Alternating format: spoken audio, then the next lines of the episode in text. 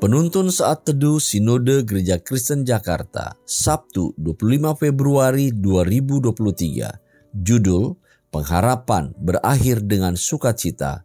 Nats firman Tuhan diambil dari Pengkhotbah 12 ayat pertama. Ingatlah akan penciptamu pada masa mudamu, sebelum tiba hari-hari yang malang dan mendekat, tahun-tahun yang kau katakan, tak ada kesenangan bagiku di dalamnya Janganlah hatimu iri kepada orang-orang berdosa, tetapi takutlah akan Tuhan senantiasa, karena masa depan sungguh ada dan harapanmu tidak akan hilang. Amsal 23 ayat 17 dan 18. Orang-orang percaya memiliki fokus hidup yang terarah pada Yesus Kristus bukan dunia.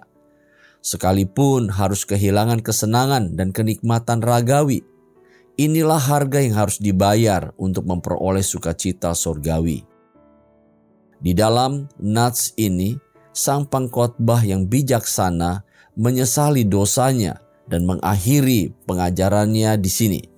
Ia tidak hanya layak seorang pembicara ulung, tetapi ia juga sebagai seorang pengkhotbah yang baik. Ia memberi kesan terdalam yang diharapkan dapat memberi pengaruh kuat dalam benak pendengarnya. Suatu peringatan bagi orang-orang muda untuk segera beriman dan tidak menunda-nunda waktu hingga hari Tuhan tiba. Nasihat ini diperkuat dengan berbagai penjelasan yang akan terjadi di hari tua, seperti yang tercatat di dalam ayat 2 sampai ayat 5. Maksudnya, apa yang menjadi pengharapan orang-orang benar akan berakhir dengan sukacita, bukan penyesalan dan derita ingatlah akan penciptamu. Hal ini memberi pengertian bahwa orang-orang percaya harus memanfaatkan hidup mereka sejak dini untuk bekerja bagi Allah. Bukan pada saat mereka sudah tidak berdaya lagi. Karena jika tidak, maka akan terjadi penyesalan dan berkata, apa gunanya semua ini? Pengkhotbah dalam hal ini dengan tegas mengingatkan kembali dengan ketaatan melakukan firman Tuhan, agar apa yang menjadi pengharapan kita akan berakhir dengan sukacita. Seperti yang dikatakan pengkhotbah dalam renungan hari ini.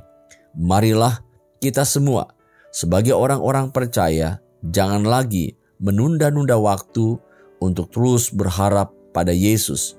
Meskipun saat ini kita sedang mengalami pergumulan yang berat, membuat kehilangan semangat untuk berharap.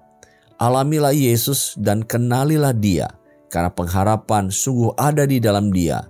Yesus berkata, "Marilah kepadaku, semua yang letih lesu dan berbeban berat, aku akan memberikan kelegaan kepadamu."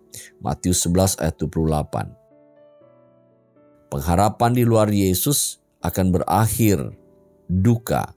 Yesuslah pengharapan yang sejati.